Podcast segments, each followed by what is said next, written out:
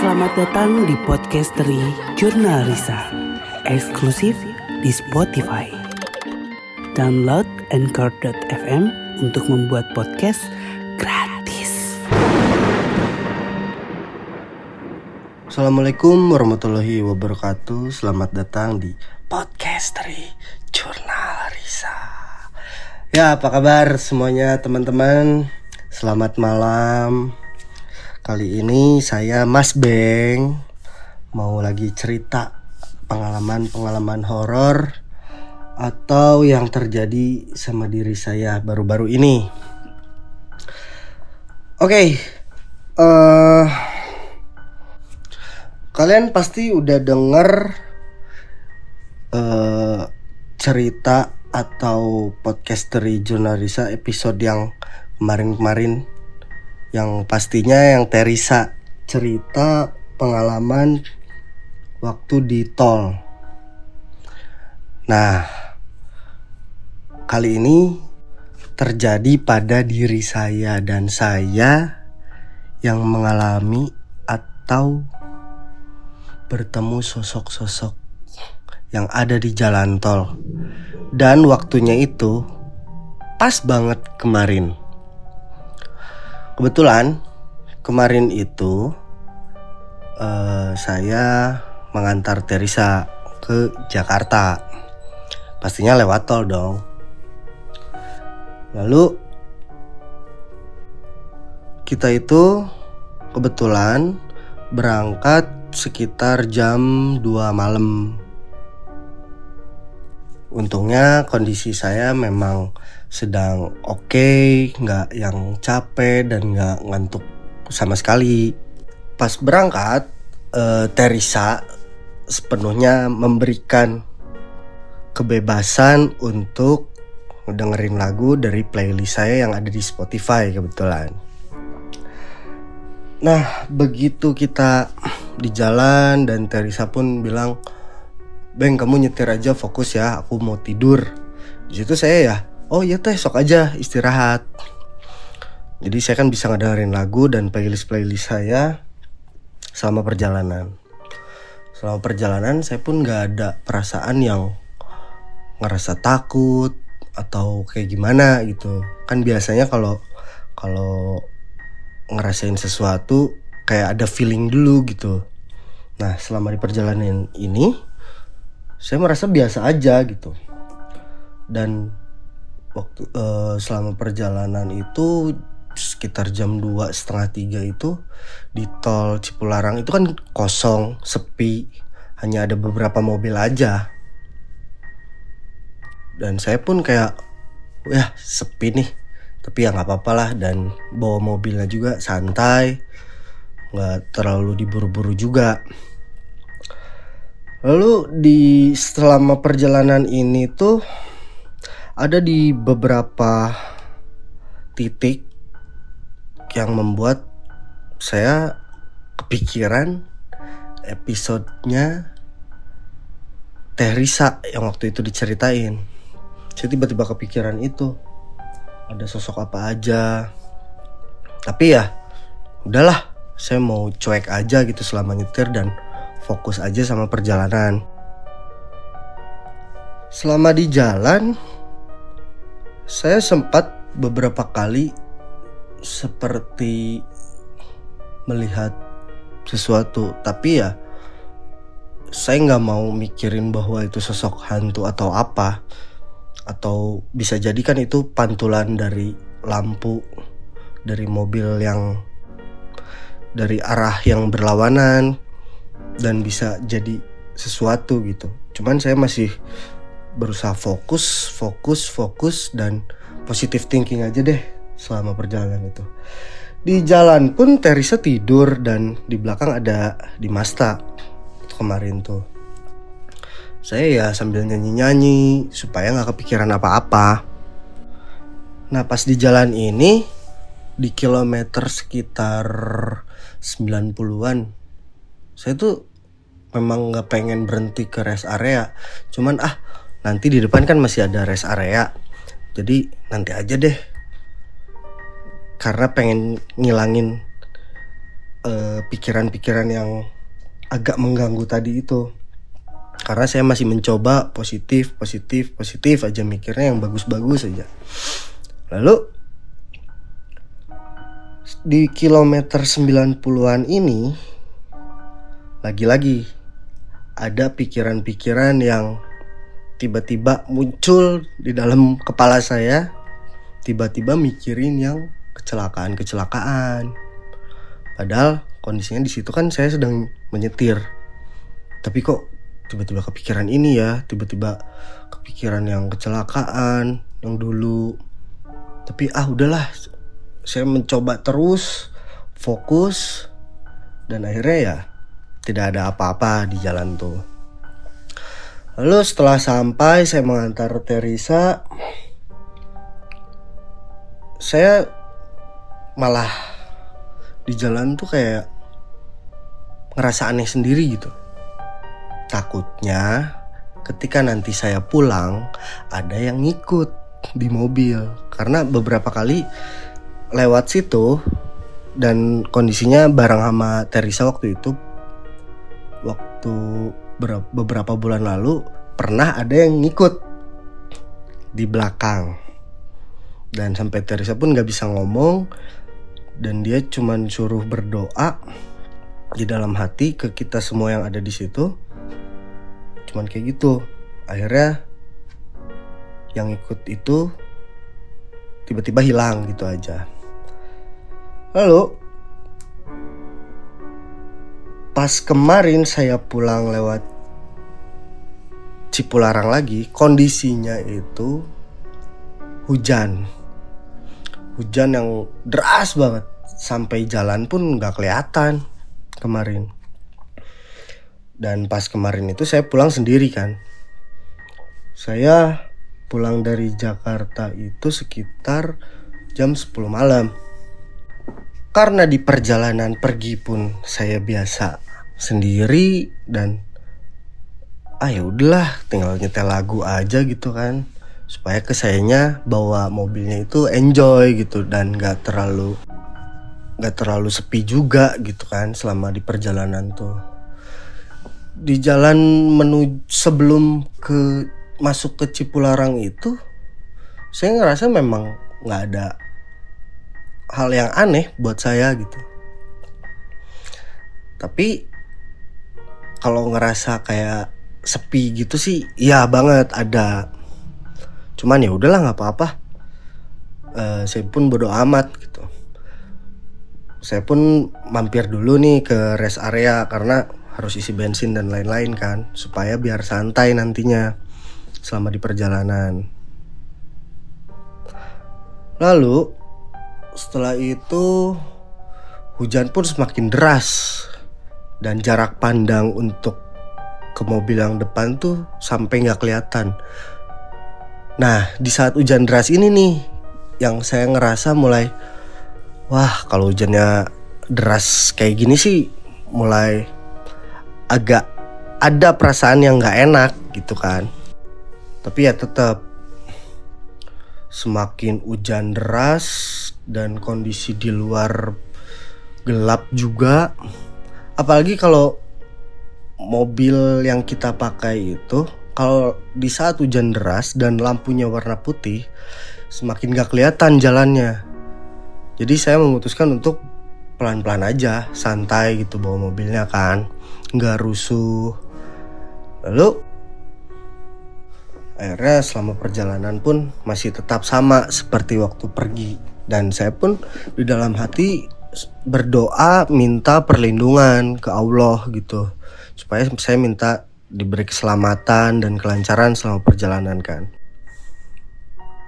Begitu saya turun tol layang waktu itu saya pernah melihat ada sosok pekerja. Pikir saya waktu itu memang ada yang ngebetulin jalan gitu kan kayak pakai baju, baju proyek topi proyek gitu. Dari kejauhan saya udah melihat sosok itu. Tetapi ketika saya melihat ke spion yang kanan saya nggak ngelihat sosok itu. Padahal pas begitu mobil dalam kondisi turun saya ngelihat banget jelas kalau ada sosok yang pakai baju proyek dan helm proyek itu. Pikir saya yang memang yang kerja untuk ngebetulin jalan kan perbaikan jalan kayak gitu. Nah ternyata sosok itu memang tidak ada. Tapi ketika saya ngelihat di awal kok ada pas ngelihat diri spion nggak ada. Kejadian itu waktu sebelum yang kemarin. Karena memang saya lumayan sering lah bolak-balik lewatin tol Cipularang untuk Bandung Jakarta tuh sering hitungannya. Lalu akhirnya selama jalan pelan-pelan sampai juga nih di gerbang tol Kalihurip yaitu masuk ke Cipularang. Ketika masuk ke area gerbang tol ini saya pun masih kayak ah nggak ada masalah apa-apa dan kayak enjoy enjoy aja gitu. Pikiran pun nggak ke mana-mana saya tetap fokus fokus dan fokus nah untuk kalian kalau yang bolak balik ke Bandung Jakarta atau sekitarnya yang sering lewat Cipularang pasti kalian hafal lah jalan di situ seperti apa suasananya yang gelap kanan kirinya hutan dan tebing Nah, pikir saya di Cipularang hujannya bakal bakal berhenti gitu kan. Kalau berhenti kan saya pun agak tenang gitu. Karena selama bawa mobil dan hujan sederas itu ada kekhawatiran juga buat saya. Karena suasananya kan dingin, terus gelap, jarak pandang gak kelihatan, kayak takut aja sih sebenarnya Cuman kan saya mikir untuk positif terus dan dengerin lagu kenceng. Tapi ya tetap aja gitu kayak suasananya tuh mendukung banget. Kayak untuk mereka-mereka ini kayak nebeng tiba-tiba ikut kan kita nggak ada yang tahu kan. Lalu sama di jalan hujan semakin kencang saya pun nyetir di jalur sebelah kiri terus. Uh, bukan di bahu jalan ya. Karena Pertama saya nggak kelihatan karena hujannya kencang banget, deras banget. Kecepatan pada saat itu saya cuma 60 km per jam. Ya pelan lah. Ya standar sih sebetulnya standar minimal di jalan tol itu 60 km per jam. Nah, jadi selama nyetir itu kan saya kan masih bisa ngelihat kanan kiri gitu kan jalanan pun sepi banget ditambah hujan yang deras dan saya bawa mobilnya pelan santai. Itu beberapa titik di kilometer sekitar 80 sampai ke 100 itu banyak lampu yang mati. Jadi memang nggak kelihatan apa-apa di jalan tuh. Yang sampai akhirnya saya harus pakai lampu jauh untuk beberapa kali. Padahal kan kalau pakai lampu jauh itu kan bisa bikin silau untuk ke mobil yang di depan. Nah ini kondisinya kan memang di depan saya itu nggak ada mobil. Jadi saya pakai lampu jauh, lampu jauh sesekali. Masuk ke kilometer 90 lagi arah ke Bandung saya mulai ngerasa kayak ada cemas nih. Mulai ada feeling yang aduh ini mau ada apa ya? Selalu seperti itu. Padahal sebelum-sebelumnya tuh udah enak. Sebetulnya nggak ada pikiran yang takut karena sosok-sosok hantu yang ada di sekitar gitu. Walaupun mungkin dari kalian banyak mendengar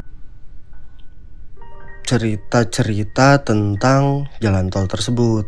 Ketika itu udah mulai masuk kilometer sekitar 85-an lah.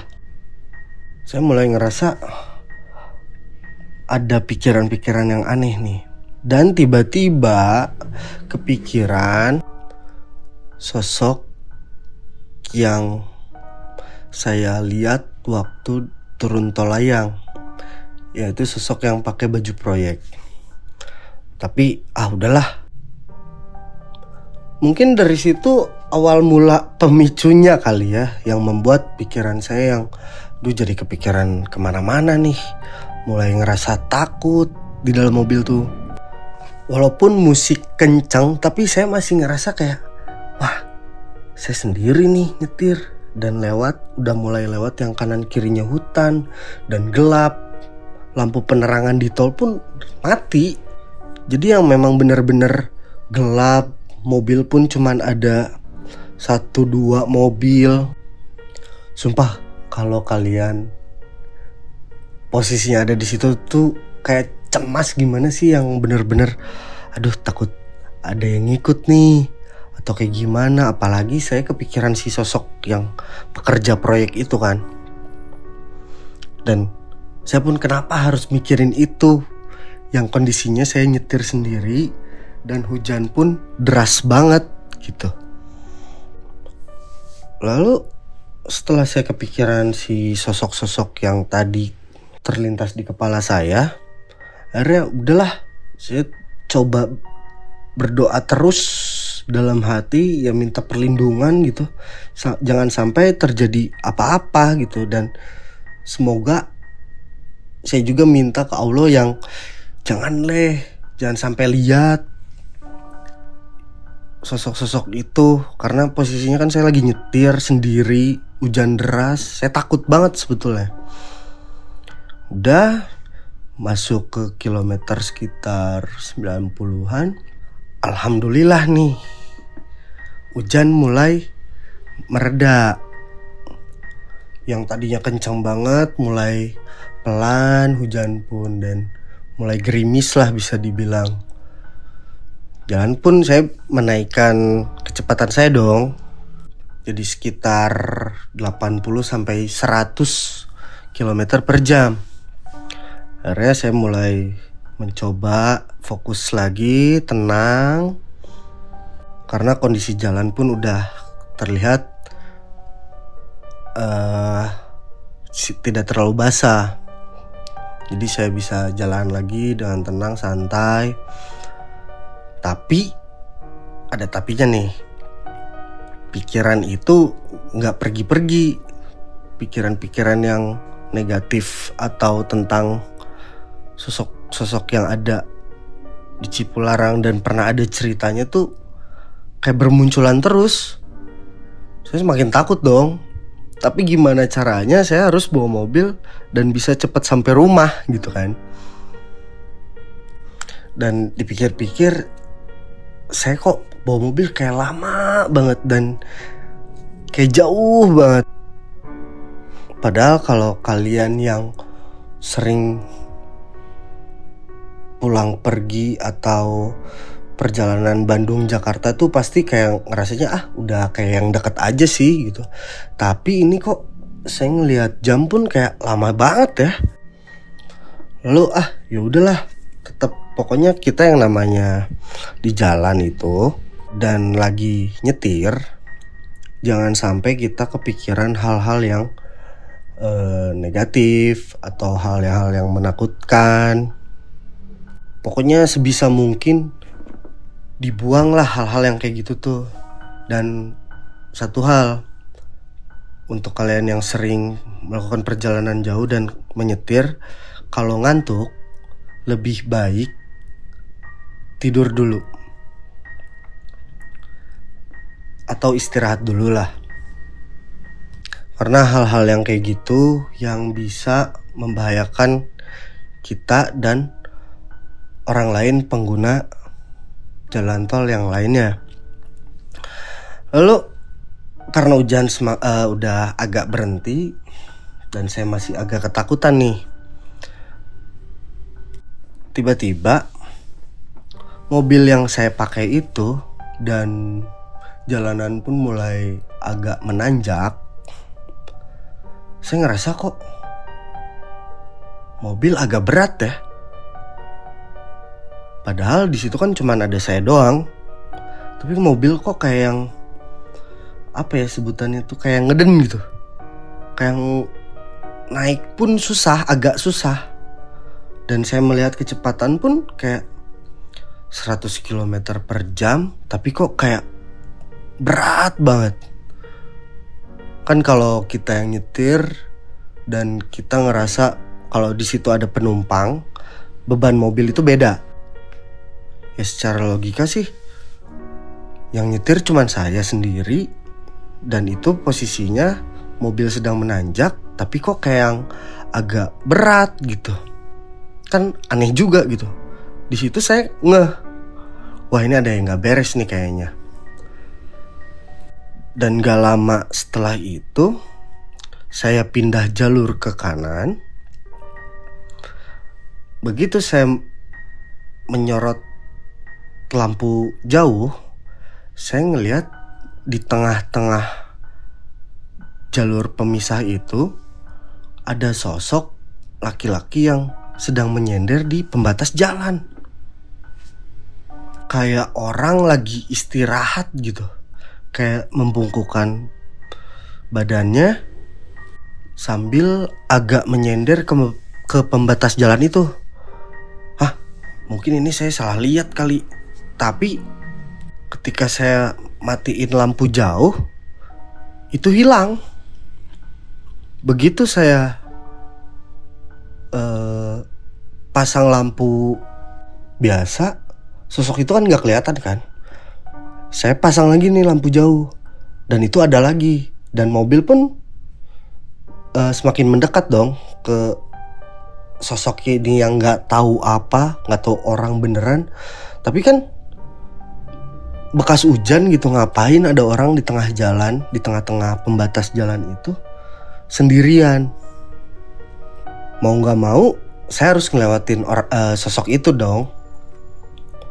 Akhirnya setelah melewati saya ngelihat kaca spion lagi itu nggak ada. Wah nggak bener nih. Situ saya coba berdoa terus dalam hati karena saya takutnya tiba-tiba ada yang ikut di mobil di belakang. Pas jalan udah mulai dekat-dekat ke arah Bandung, itu perasaan saya tuh masih deg-degannya minta ampun karena sosok itu jelas banget. Udah di jalan sambil saya mencoba menenangkan diri, saya ngebayangin lagi sosok itu tuh pakai pakaian yang sama waktu turun dari tolayang. Ya pakai topi proyek, pakai baju proyek. Sosoknya tuh persis itu. Wah, ini apa sih? Si bilang, jangan dong, jangan sampai ngikut. Kamu jangan ikut, jangan ikut. Yang ada di pikiran saya pada saat itu tuh kayak gitu. Karena saya takut banget, saya nggak berani ngelihat ke belakang. Padahal ini udah dekat-dekat uh, ke Bandung lah. Nah udah itu, saya masih ngerasa kayak saya bakal ketemu lagi nih sama sosok ini, tapi nggak tahu di mana dan maksud dan tujuannya sosok ini tuh apa gitu kan akhirnya tanpa sengaja saya ngelihat ke spion yang ada di tengah ada sosok yang duduk di belakang di jok belakang pastinya